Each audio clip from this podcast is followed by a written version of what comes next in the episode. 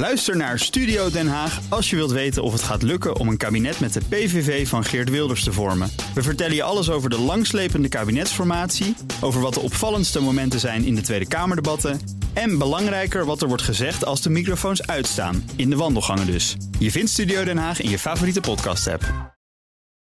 DNR Nieuwsradio. Boekenstein en de Wijk. Hugo Reitsma. Say, can you see Lang leven Amerika. Crisis in het vertrouwen in de Verenigde Staten. In Duits onderzoek vorige week zag 85% van de mensen de relatie met Amerika als negatief. Meer mensen zien in China een betrouwbare partner. In Nederland en de rest van Europa is het niet veel beter.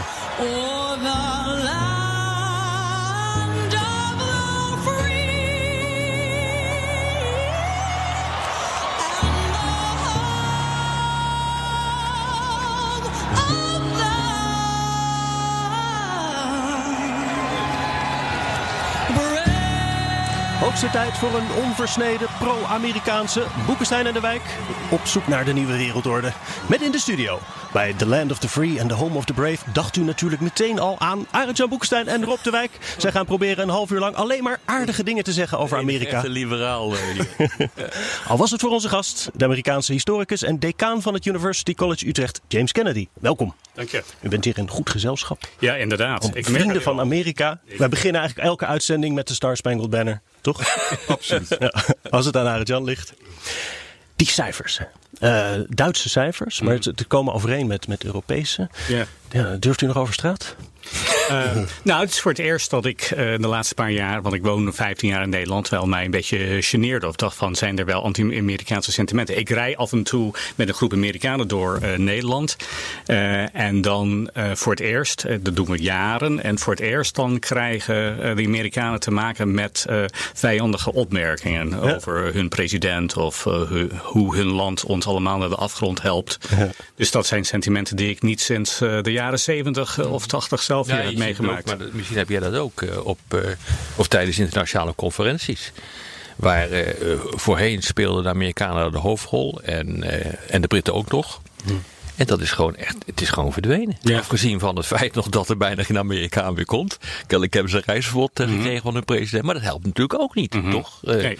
Als je dat op deze manier doet en gewoon niet die, ja, die verbinding zoekt met, eh, met de Europeanen. Wat dan toch nog steeds de bondgenoten moeten zijn. Ja, dus dat is wel denk ik ook eh, wat er eh, gebeurt. Dat plaats denk ik niet alleen dat de Amerikanen niet komen, want ik zie nog altijd veel daar, of de Britten. Maar ze voelen in ieder geval in de verdediging. En er wordt niet meer per se naar hen geluisterd als gezaghebbende. Ik zag ook wel bij de Britse instanties, dus met Brexit hebben ze duidelijk aan gezag ingeleverd. Maar hetzelfde geldt, eigenlijk voor Amerikaanse onderzoekers. Ja, ja. Raarste cijfer vond ik eigenlijk nog wel dat dus 20% van de Duitsers zag eh, Amerika toch nog als belangrijkste partnerland. Tegen 40% de Chinezen. Dat, dan, dan ben je toch een beetje de weg kwijt, zou ik denken. En wat was het percentage voor de Russen? Dat stond er niet bij. Ja, dat is bij Duitsland ook nog een interessant. Duitsland is Nee, ze hadden alleen gevraagd naar. Amerika en China in dat onderzoek. Ja. Ja, ik vind het wel een beetje merkwaardig. Want eh, om nou gelijk China te omarmen met een totaal ander systeem. Hè, wat niet compleet democratisch is, om zo maar eens te zeggen. Ik vind dat er wel merkwaardig. echt gematigd uit. eh, Ja. nou gewoon een autocratie of een dictatuur. Ik bedoel, eh, Nou, dit is wel een tijd, ik bedoel, als je denkt aan het anti-Amerikanisme uit eh, de jaren zeventig, eh, toen het hoogtij vierde hier in Nederland. En natuurlijk ook wel als het ging over eh, kernwapens en eh, kruisraketten. Dan zag je ook wel in die tijd eh, peilingen die eh, ook wel een aanzienlijk deel van de bevolking sympathie had voor de Sovjet-Unie. Of de Sovjet-Unie bijna op dezelfde eh, plaats eh, stelde als de Verenigde Staten. Dus het is wel, eh, we hebben wel zoiets in het verleden eh, wel gezien. nou ja, weet je, maar een, een supermacht roept natuurlijk altijd heftige reacties op. En dat gaat natuurlijk China straks ook doen. En we beginnen er nu achter te komen dat China inderdaad machtig eh, begint te worden. Nou ja, dan krijg je natuurlijk ook heftige reacties erop en tegenbewegen. Dat kan bijna niet anders. Want dat is inderdaad in, in golven. Dat de Vietnamtijd, ook natuurlijk eh, de Irak-oorlog. Toen was Duitsland ook Maar fel het, gaat, tegen. maar het gaat nog dieper dan dat. Hè? Want dus voor de Vietnam, Vietnam was het natuurlijk echt een probleem. eh, Op, met demonstraties. Echt Amer- anti-Amerikaans was sterk. Hè? Maar er is eigenlijk een hele lange voorgeschiedenis daarvan. Het begint al in het midden van de 18e eeuw. Hè? Dat met, met heel grappig om erover te vertellen. Dat eh Comte de Buffon met zijn histoire naturel begint er al mee. Hè? En dan zeggen ze dus, ja, het is toch een heel merkwaardig klimaat in Amerika. En er zitten reptielen en slangen. En, is- en die mensen zijn eigenlijk een beetje zwak. En dus lopen ook nog indianen rond. Dat maakt het genetisch ook niet sterker. En mensen als Voltaire en Kant namen dat soort ideeën over. Ze werden eloquent weer, weersproken door eh, de, de, de federalisten, weet je wel. Dus, dus Hamilton en Jefferson en zo. Maar, maar zelfs aan het einde van de 19e eeuw zegt Simon Schama in zijn boek van... ja, dan is nog steeds dat stereotype van die ugly American. Dat was nog... raar. ik kan me ook herinneren dat mijn eigen vader bijvoorbeeld... ook al zei van, ja, ze hebben geen geschiedenis, zei hij dan. Ja, ja, ja. Ze hebben geen cultuur. Wat totale onzin was. Want toen ik als eh, exchange-student naar... eh, eh, John F. Kennedy mocht, waar ons eigen concertgebouw optrad. Toen viel mij op dat de Amerikaanse studenten veel meer van die Mahler-traditie begrepen dan de, de eigen Nederlandse studenten. Dus het is, het is volstrekte En- en- onzin. ja, Jan, het- het- is het ook niet de oudste democratie die we kennen? Nou, in ieder geval. En, en ook zeer Europees gevoed, hè? Het is de, nou ja, als je Athene niet meerekent. Nee, nee, nee, eh, reken ik maar, voor het gemak eh, even niet mee. eh, Nee, maar nee, zeker. Ik bedoel, eh, algemeen kiesrecht voor mannen dan. En dat is dan, ehm, was dan al vanaf 1820 het geval. Eh, En je moest dan wel denken voor natuurlijk burgers. En je had slavernij en al. Maar het idee, dus de kiestrempel was het laagst in de Verenigde Staten al. eh, eh, dat je dan in vergelijking met elders zag eh, vanaf het begin van de 19e eeuw. En er was ook geen vergelijking aan Ja. als het ging naar andere landen. Dus de democratisering is daar dan wel, heeft daar echt een hoge vlucht genomen in vergelijking met elders. En ook veel vroeger. Eh, dus dat is ook zeker iets. Ik merk, bedoel, juist hoe je dat over democratisering. als je kijkt naar Freedom House, Ja. natuurlijk die Hongarije onlangs heeft gedegradeerd Ja. naar partly free in plaats van free. dan scoort de Verenigde Staten een 86 eh, uit 100 punten in vergelijking met Nederland eh, met 99 eh, van de 100 punten. Dus het is natuurlijk wel een, eh, een democratie met eh, haken en ogen. Maar het is wel een van de dingen die je wel kan zeggen is de, eh, en nu hebben we, vinden we last van, maar de politieke participatie van gewone burgers is veel hoger dan in Nederland. Ja. Ehm, Als je denkt aan de verkiezingscampagne in de Verenigde Staten, zijn ongeveer 10% van, eh, van de eh, bevolking die mag kiezen, actief, doet actief mee aan een campagne. Dus dat is 10%. Nou, wat zou in Nederland zijn? eh, die dan eigenlijk eh, actief campagne voert. Veel lager. Veel Ja, lager. ja, dat zal dan wel tientallen, du- tienduizenden eh, Ja. zijn. En Maar het lidmaatschap van een politieke partij is in Nederland ongelooflijk gedaald. Echt ongelooflijk gedaald. Dat zal in Amerika hoger ja, zijn. het is veel hoger. Nee, natuurlijk, ja, dat, je, je hebt natuurlijk tientallen miljoenen partijleden in de Verenigde Staten. Eh, maar het al die is, caucuses. Ja, door die caucuses en door die voorverkiezingen. Eh, je hoeft ook geen rode cent eh, te betalen om lid te zijn van een partij. Dus dat maakt het een stuk makkelijker ook om eh, dat te zijn. Maar nee, dus als het, je kan zeggen ook dat die voorverkiezingen zijn juist een uiting van de vergaande mate van democratisering die in Amerika treft, eh, die je in Nederland niet hebt. Dus dat, eh, we hebben hier dan ver- geen vergelijk. Je kan je afvragen of dat nou altijd zo aan de dijk zet. Dat je kan afvragen of dat niet leidt tot hogere polarisatie in de VS dan hier. Maar participatie van burgers in het politieke proces eh, is daar op een veel hoger niveau. Maar je dan moet ook voor alles en iedereen kiezen. Stemmen. Ja. Is, ik bedoel, eh, bij wijze van spreken, de, de, de, de toiletjuffrouw, die wordt dan nog gekozen. En dat is echt wezenlijk anders dan, eh, dan in, eh, in Europa en dan in Nederland. Staren we ons hier een beetje blind op de Twitterfeed van Trump, terwijl er in heel Amerika misschien ook nog wel wat andere dingen gebeuren? Nou, ik denk een van de dingen, eh, en daar zijn de studies, hè, je denkt aan eh, eh, James Fallows, Ja. heeft dan ook een boek geschreven ook over eh, wat er gebeurt in Middle America. En een van de dingen je ziet is eh, dat de stedelijke ontwikkeling in Amerika een heel ander beeld schept van de politiek. Daar zie je veel samenwerking, Eh, daar zie je dan eigenlijk nieuwe projecten om de stad te doen opleven.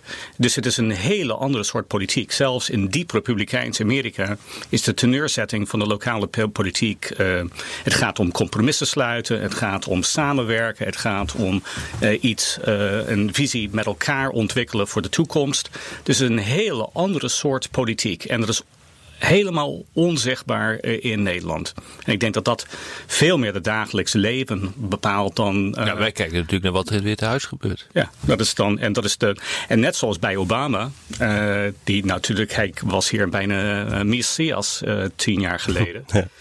Nu denken we van ja, nu is, nu is Trump alles bepalend. Nou, Obama nog Trump zijn bepalend voor wat Amerika is.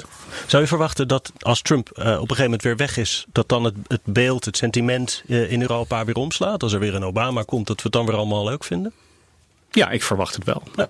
Ik bedoel, het is wel. Kijk, er zijn wel tendensen. En je moet wel vragen van nou, wat hebben Europa en, eh, eh, en de Verenigde Staten met elkaar te maken. Dus in die zin zijn er bepaalde lijnen, eh, afwegingen van nou, hoe, in welke mate zijn we met elkaar verbonden. Maar natuurlijk, als er een democraat in het Witte Huis komt die dan ook wel eh, in de smaak staat in Europa, dan krijgen we hele andere cijfers dan nu. Kunt u weer over straat? Kan ik hier over straat? Ik zie er naar uit. Maar denk je dat Trump ook een beetje een product is van structurele factoren? Is dat hij, dat hij zomaar herkozen zou kunnen worden met de boze witte man? En dat we niet moeten denken dat dat allemaal zomaar weer... Veel Nederlanders denken dat het dus zomaar weer weg en dan krijgen we een, weer een Obama. Ja, dat geloof ik ook niet zo. hè. Dat kan, het kan best zijn dat dat doorgaat. Het kan zijn dat het doorgaat. Die sentimenten eh, zijn er. Je kan ook zeggen van die eh, aardige mensen die compromissen zoeken in het Middenwesten eh, om hun eigen projecten te ontwikkelen, zijn ook dezelfde mensen die voor Donald Trump eh, nog een keer zullen stemmen. Dus, het is, eh, dus dat is natuurlijk Maar, allemaal maar denkbaar. we, we hebben geconstateerd dat het dus een hele oude democratie is. En tegelijkertijd zie je dat er dus nu een president is. eh, ook al moet het natuurlijk een eh, pro-Amerika Ja, pas op, pas op. Hè? En dat wordt het ook wel, want ik bedoel, die transatlantische relaties die blijven belangrijk. Maar we hebben nu een president. Die loopt een aantal democratische beginselen aan zijn laars. Hè. Wat er dus nu gebeurt met eh, de hele discussie rond, het, eh, rond de begroting. Het bouwen van de muur. Het uitroepen van, eh, wat is het, de noodtoestand. eh, om toch maar weer die buren te kunnen bouwen. Waarbij wordt gezegd dat is dus gewoon onconstitutioneel. Is dit nou ook onderdeel van hoe het gaat in Amerika? Is het normaal? Past dit ook in dit beeld van zo'n oude democratie of niet? Of is het echt totaal anders en zegt het iets over dat zo'n democratie ook kan klappen op een gegeven ogenblik? Ehm, Francis Fukuyama, weet je, die eh, end of history man, eh, heeft sinds die tijd veel geschreven over hoe de geschiedenis niet ten einde loopt. Maar hij zegt van Amerikaanse politiek van oudsher gaat het over eh, partijen en gerechtshoven. Daar gaat het eigenlijk over. Dus je krijgt eigenlijk in die zin een, een politiek die dan eigenlijk bestaat uit eh, conflict. En er zijn er redenen waarom dat allemaal verscherpt is in de laatste decennia. En ik denk dat dat ook zo is. Overal zie je dan als het ware de instanties die een beetje bemiddelend zijn in de samenleving, die worden zwakker. En ook in de Verenigde Staten. Dus ehm, je kan zeggen van dit is een oud recept waar ehm, heel veel vijandigheid al in, eh, nou ja, in het Amerikaanse bestel zit. Sinds eigenlijk eh, twee- 200 jaar. En komt dat er nu naar buiten? Komt dat er nu uit dan, die vijandigheid? Ik denk dat dat er altijd is geweest. En ik denk gewoon dat er eigenlijk nu minder factoren zijn die die vij- vijandigheid eh, op een rem, eh, eh, op de rem eh, plaatst. En dat is denk ik wat er eh, gebeurt. BNR Nieuwsradio. Boekenstein en de Wijk. Op zoek naar de nieuwe wereldorde. Dit is Boekenstein en de Wijk. En dat programma is natuurlijk niet zonder onze Atlantici Arend-Jan Boekenstein en Rob de Wijk. Mijn naam is Hugo Reitsma en onze gast is historicus James Kennedy. Wat is het verschil tussen de Verenigde Staten en yoghurt? Als je yoghurt 300 jaar laat staan, ontwikkelt het een cultuur. Hoe noem je een Amerikaan met twee hersencellen? Zwanger. Sorry meneer Kennedy. Ik, ik hoor net van Arend-Jan dat het onderdeel is van onze traditie om af en toe... ik snap het. ik eh, loop de zaal uit. U zei iets over de, de demonen die, die los zijn gekomen. Ja, nou, eh, Amerika heeft altijd een hele heftige cultuur. Je moet geen denken aan de vuile trucjes, die dirty tricks die in het verleden zijn gedaan in de Amerikaanse politiek. Dus er is nooit koekenij geweest in Amerika. Ook mensen het recht eh, ontzeggen om te stemmen. Dat is natuurlijk een onderdeel van onze geschiedenis. Dus je moet nooit zeggen dat het echt uitstekend in Amerika is gegaan eh, eh, als een soort politieke paradijs. Maar het is wel erger geworden in de zin van, eh, nou, denk alleen maar aan één st- stukje statistiek. En dat is dus dat eh, mensen eh, geven de voorkeur om te wonen waar mensen met dezelfde eh, politieke voorkeuren ook wonen. Dus we zien een mate van politieke segregatie in de Verenigde Staten dat wij niet eerder hebben gezien. Vroeger was het veel gemengder. En nu zien we dat nou. eh, een staat Colorado, hè, dus dan als je eh, als het ware vrijzinnig bent en eh, liberaal, dan ga je in Denver wonen. En als je conservatief bent, dan ga je in eh, Colorado Springs Ja, ja, eh, eh, wonen. En dus dat is wel heel duidelijk. En, en je merkt het gewoon dat dat eh, scherp is geweest. Andere verschillen tussen mensen worden minder belangrijk. Bijvoorbeeld protestanten en katholieken in Amerika hebben nu eigenlijk bijna geen probleem met elkaar. Eh, vroeger was dat wel echt zo. Maar eh, nu is het eigenlijk, we zien dat de helft van de Amerikanen een probleem zouden hebben als ehm, hun kinderen kind zouden gaan trouwen met iemand van de andere partij. Jeetje. Niet de andere religie, dat mag nu tegenwoordig, maar eh, van de andere partij, eh, dat kan niet meer. Eh, Ze hebben hun eigen tv-kanalen. hè? Ja. Dus media, dus het is allemaal, je bent opgesloten in je eigen babbel. eh, en dat is natuurlijk ook iets dat het erger maakt. Ehm, en eh, er zijn een aantal factoren waar mensen helemaal gescheiden van elkaar leven op een manier dat wij niet eerder hebben gezien. Even terug naar die, die relatie van dat anti-Amerikanisme hier in Europa. Rob, hoe problematisch is dat? Burgers maken geen buitenlandse politiek. Nou, Hoeveel- in toenemende mate wel hoor. Want eh, als je dus eh, kijkt wat, eh, waar, waar populistische partijen voor staan. eh, die hebben een enorme invloed op buitenlandse politiek. Het soevereinisme wat, wat daarin speelt. Dus het idee dat je het ook al alleen kan zonder allerlei bondgenootschappen of handelsverdragen. Dat speelt wel degelijk op dit ogenblik een hele belangrijke rol in het, in het buitenlands beleid. Eigenlijk vind ik meer dan ooit. Dus nee, dat is niet helemaal waar. Dat eh, burgers geen Het heeft ook natuurlijk een, maken. een effect de andere kant op. Dat, dat Europa meer denkt van... oh, we moeten misschien toch een beetje onze eigen broek gaan ophouden. Arjan, is dat dat We hebben wel. de, de bekering van Rutte gezien... die Ja. nu ineens enorm pro-Europees Nou, is. niet ineens. Eh, ik, Al- ik moet ja. zeggen wat hij in Zurich heeft gezegd. eh, Deze week, ja. Ik, eh, ik weet niet wat jij ervan vindt, Arend-Jan, maar ik, eh, ik was daar redelijk van onder de indruk. Hij, hij begon in goed, Berlijn. Straatsburg en nu Zurich. En het is heel duidelijk dat hij, hij heeft nu ook echt gezegd van... luister eens, je zou er ook moeten nadenken als je het over sancties hebt... dat je dan met gekwalificeerde meerderheid... eh, dat is heel belangrijk ten aanzien van het beleid ten aanzien van Rusland. Of, of ga, ga zo maar door. Kijk, weet je, weet je waarom die transatlantische band nog steeds heel belangrijk is? Ik ben er een voorstander van in een wereld waarin dus Xi zich voor het leven benoemt. Hè? Trump zijn kracht niet in consistentie zoekt. En Poetin agressief is, dan moet je proberen, Europa moet meer samenwerken. De ellende is dat we weten dat dat voor Europa heel lastig is. Ja, dat weten we. En alleen al daarom zullen we toch eh, dicht bij Amerika moeten blijven. Trouwens, wat hebben wij te zoeken in een. Eh, in buiten een Pax Americana. Ik bedoel, als, als, als de Chinezen zouden winnen, wat hebben wij daarbij te winnen? Hoor je een economische kolonie van, eh, van China met alle gevolgen van dien. Ik, dat wil ik liever ook niet. Ik, eh, nou, Dan zeggen ze, maar dan word je een kolonie van Amerika. Nou, ik moet eerlijk zeggen, als ik dan toch echt doe maar kolonie dan. van- doe, mij dan, doe mij dan Amerika maar. Hè. Dus natuurlijk een karikatuur van, van de werkelijkheid. Ja, het is wel een beetje een variant op wat Ho Chi Minh zou hebben gezegd. Dat Ja. ik dan wel eh, liever voor een tijdje eh, Amerikaanse stront eh, ruikt dan Ja. mijn hele leven eh, onder Chinezen zit. Dus, eh, En dat is dan wat hij in de jaren 40 zou hebben gezegd. Maar, Maar wat, wat natuurlijk interessant is, hè, we hebben het al even over die speech van Rutte in Zurich gehad, die Churchill-lezing. Eh, hij maakt echt een punt van die transatlantische relatie. En hij zegt van, moet je horen, eh, de wereld is in, in grote verandering. Eh, wil je wat tegen China doen, wil je wat tegen Rusland doen... Wil, dan moet je een vuist kunnen maken, dat moet je gewoon gezamenlijk doen. En ik denk dat het... en vervolgens heeft hij een pleidooi dus eigenlijk voor meer Europese eenheid. eenheid. Ja, daar valt wat mij betreft eigenlijk geen spel tussen te krijgen. Dat is ook gewoon zo.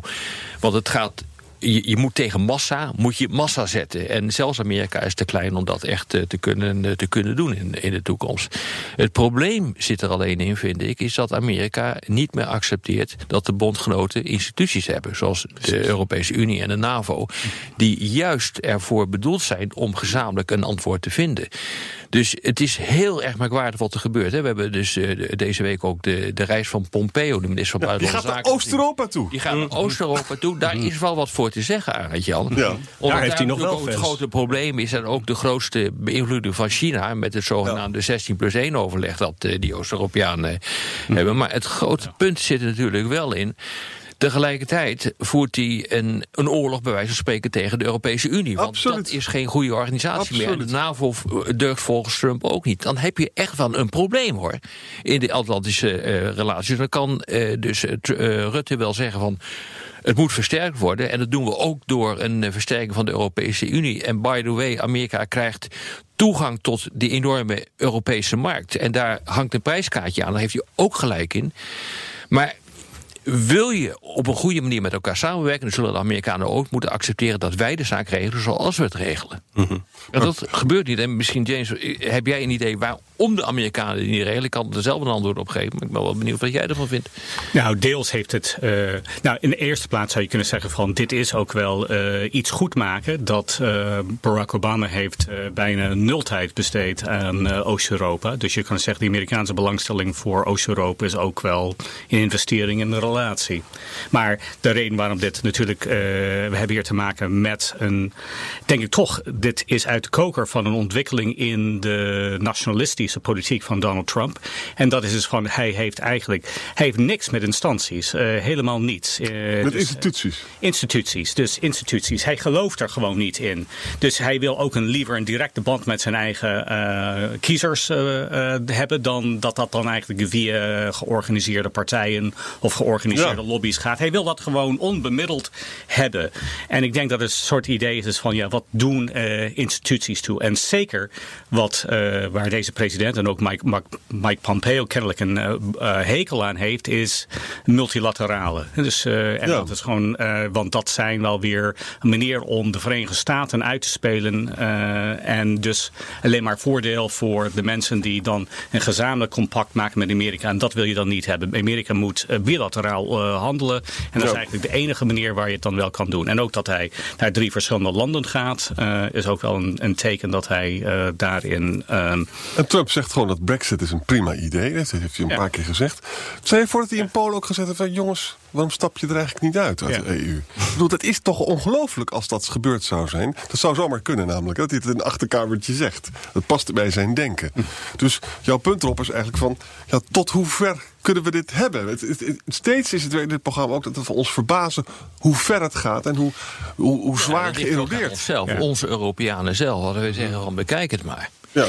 Want eh, dit is wat we hebben hier in Europa. En eh, ja, dan moet je eigenlijk gewoon eh, je middel- middelvinger opsteken naar de Amerikaanse president. En zeggen van, eh, hier, dit hebben wij, hier zijn wij trots op. Dit hebben we nodig om overeind te blijven in die woelige wereld. Precies wat Rutte heeft gezegd. En je hebt hier maar mee te dealen. Punt Maar uit. Trump, maar Trump heeft gelijk dat, dat de Duitsers natuurlijk maar 1% van hun BNP aan defensie uitgeven. En hij heeft ook gelijk dat hij daar een enorm punt van maakt. Maar het is natuurlijk meer dan alleen maar defensie, jongens. Het gaat er ook om dat de Europese Unie het eh, grootste handelsblok eh, ter wereld is. En eh, wel degelijk machtspolitiek kan voeren. Dat is gewoon zo. Ja. Ik zou zeggen dat het wel zou helpen als Europa eh, ook wel waardering zou hebben voor zijn eigen instituties. Dus, dus denk ik, ik ben wel mee. Ik, ben wel, ik vind het wel mooi dat Mark Rutte dit heeft gedaan, maar hij heeft eigenlijk carrière gemaakt om dat nou juist eh, op afstand te houden. Ja, het is, Het is een late bekeerling. Dus, eh, Is er nog iets dat Europa zou kunnen doen om die transatlantische band eh, misschien om Trump heen, te, misschien met het congres daar bondgenoten te zoeken of met de staten, ik weet het niet. Nou, dat vind ik wel lastig, want de Amerikaanse president eh, die regeert in belangrijke mate in zijn buitenlands beleid met decreten en eh, met executive orders. Dus eh, hij kan feitelijk doen en laten wat hij wil. Ik, vind dat, ik vind dat wel lastig. Nee, de enige hoe je dit kunt oplossen is door te, te zeggen van bekijk het maar, wij werken samen en je hebt met ons te dealen. En that's it. Ik bedoel, dat is het enige wat je kunt doen hoor. Maar dan moet je dus dat wel wel. de moed hebben om dat te doen. Ik denk dat er ook wel onder Trump en onder een aantal mensen zijn. Er zijn wezenlijk ook in het Huis van Afgevaardigden. En, en zeker ook Republikeinen in de Senaat. die echt in het bondgenootschap eh, geloven. En de, de reden waarom ook Trump niet verder is gegaan dan hij is gegaan. met bijvoorbeeld eh, toch wel Rusland tegemoetkomen. heeft wel te maken met een. Is toch een sterke Atlantische inslag. eh, van vele Amerikaanse poli- politici. Dus, Absoluut. dus dat is denk ik ook belangrijk zijn, te weten. maar er zijn donkere wolken, ook in Europa zelf. De SPD trekt naar links hè, de laatste weken. Het kabinet gaat misschien vallen. Kan dus zomaar. Dat, de Duitsers zijn al enorm pacifistisch. En dat geldt voor de SPD soms ook. Hè. Kan het zomaar knallen, jongens? Dat het toch gewoon. Macron is, is van de Franse presidenten de meest Atlantische. Maar die heeft natuurlijk een hele moeizame relatie met Trump. om- allerlei bekende redenen. Het is, het is, ik vind het, het vaasje van Rutte wordt wel erg breekbaar. Als we het over het Europese vaasje hebben. Tijd voor de luisteraarsvragen. Althans op de podcast. Luistert u op de radio, dan verwijs ik naar iTunes, Spotify of uw eigen podcast-app. Daar kunt u ook vragen stellen en commentaar kwijt. Veel vragen eh, op Twitter. Eh, dat begrijpelijk ook wel over, over dat anti-Amerikanisme als, als definitie eigenlijk. Ewout Kleij vraagt: Is anti-Amerikanisme per definitie links? Rutger de Kwaai vraagt: In hoeverre verschilt het anti-Amerikanisme van nu met dat van tijdens de Koude Oorlog en na 9-11? Eh, even nog een vraag: wat, Was dit patroon al zichtbaar onder Bush en Obama? Is het, is het nou een evolutie of een plotselinge verandering? Is anti-Amerikanisme eh, hetzelfde als anti-imperialisme? Die term heb ik al lang niet gehoord. Hoe, definiëren jullie dat, anti-Amerikanisme nou? Is het een vals sentiment? Of is het een... eh, een Gedeeltelijk is het soms een vals sentiment. Maar eh, het, het, het richt zich ook heel duidelijk op symbolen. Het richt zich nu heel duidelijk op Trump. Zonder Trump was het minder geweest. Maar dat wil nog niet zeggen dat de liefde voor Amerika, zeg maar onder Obama, ook ongelooflijk groot was. Eh, Dat heb ik mij ook over verbaasd. Eh, James heeft net ook gezegd van Obama die werd hier onthaald als een soort messias. Maar tegelijkertijd gunnen we hem ook weinig. hè. En eh, dat heb ik eh, wel heel erg bijzonder gevonden. Eh, dat hij op een aantal dossiers ook in het Midden-Oosten gewoon redelijk alleen kwam te staan. Zeker. En daar hebben we hem niet in gesteund. En anti-Amerikanisme kan zowel links als rechts zijn. Dat is ook interessant. Hè? Ja. Van de, de Gaulle bijvoorbeeld, eh, was om allerlei machtspolitieke redenen zocht hij afstand ten aanzien van Amerika. Nou, de Gaulle was geen linkse man, hè, is een conservatieve denker. Eh, maar de, de, de studenten bij mij in de collegebanken die tegen Vietnam demonstreerden, die waren vaak wel van, van linkse. Dus het komt, het komt eh, eh, Europese conservatieven kunnen nog steeds hun neus ook ophalen voor Amerika. Hè, omdat Ja, en, nog- en, en Ja? het is al eerder gezegd, maar een supermacht leidt altijd tot dit soort reacties. Ja. Bij definitie. Het AFD bijvoorbeeld is natuurlijk meer in. in dat, dat zijn echt Poetin-versteers ook, hè? Ja, het zijn wel eh Poetin-versteers.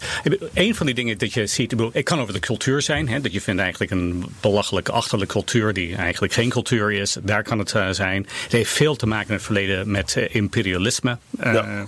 Dit is denk ik wel toch iets anders. Want het is natuurlijk niet iets dat je Trump nou direct kan verwijten dat Ja. hij een eh, plan heeft om Amerikaanse macht uit te breiden. Het is eigenlijk eerder een soort eh America nar.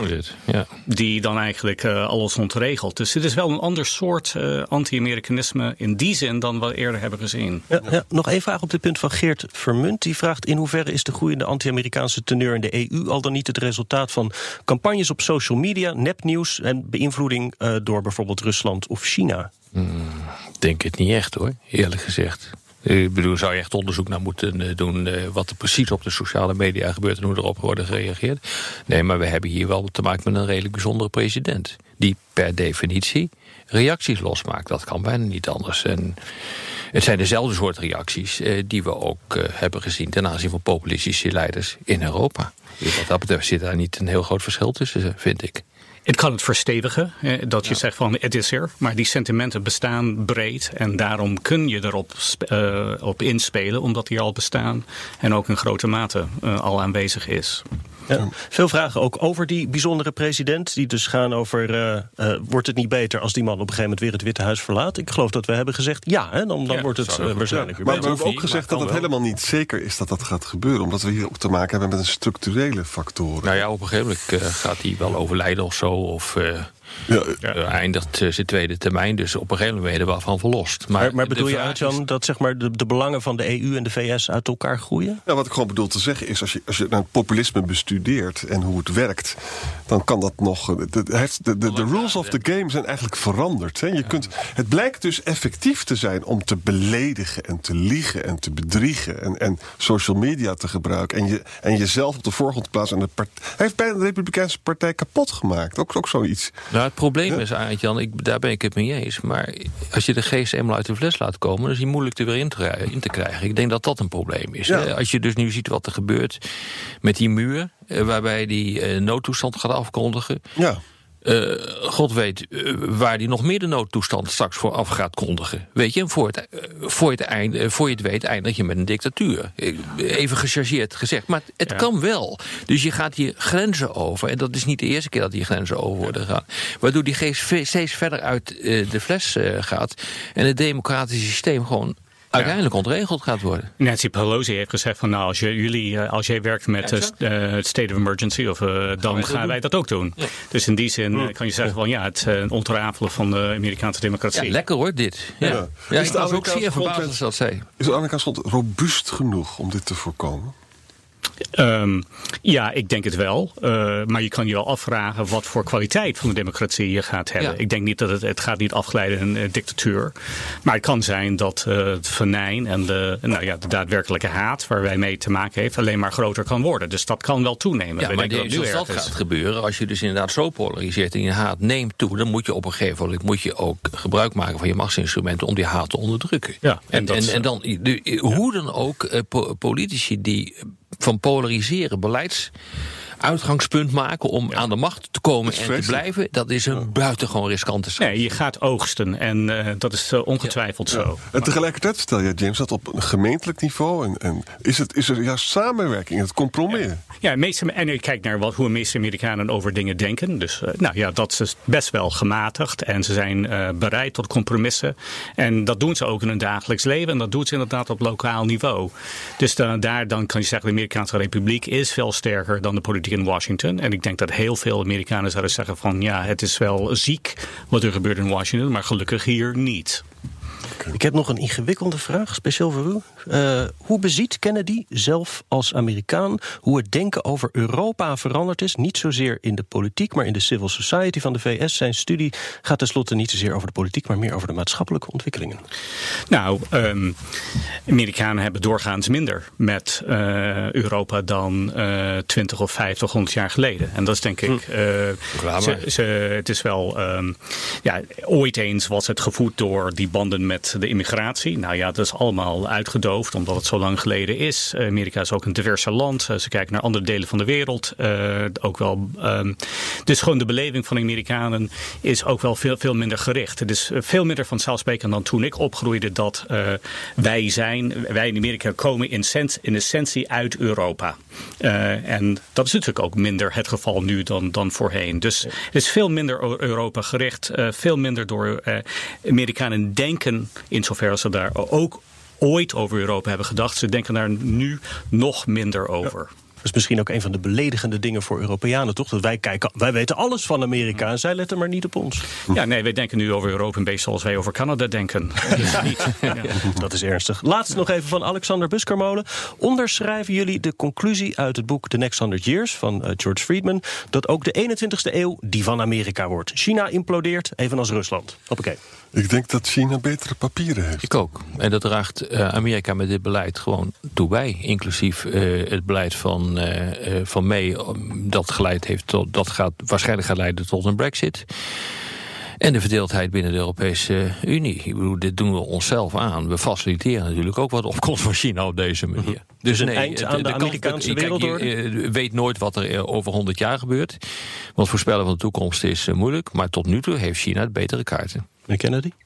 Nou, ik, eh, moet, eh, ja, eh, ik moet een land spreken voor de Verenigde Staten. Ik zie ook wel die zorg. Je kan zeggen de demografie, de economische ontwikkeling. Dus alleen maar het gewicht van China wijst aan dat, er, dat we een andere toekomst Ja. ingaan. 1,4 miljard tegenover, wat is het, 350 miljoen Amerika? ja, dat maakt Als dan dat gewoon- een beetje begint te groeien, zo'n land, ja, dan gaat dat per definitie effecten hebben. Ja. Maar, wij blijven gewoon van Amerika houden, toch? Absoluut. Dit was weer Boekenstein en de Wijk. Dames en heren, Jan Boekenstein en Rob de Wijk zeg ik dank voor het luisteren. Speciale dank aan Amerika, ook aan James Kennedy. En tot volgende week.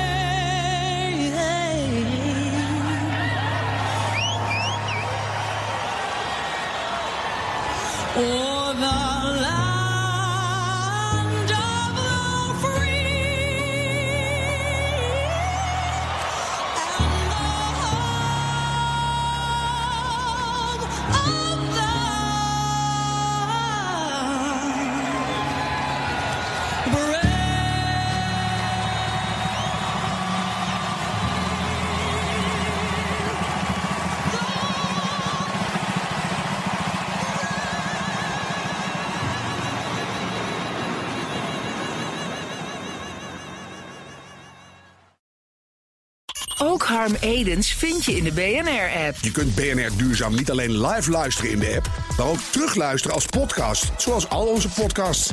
En naast dat de BNR-app Breaking News meldt, houden we je ook op de hoogte van het laatste zakelijke nieuws. Download nu de gratis BNR-app en blijf scherp.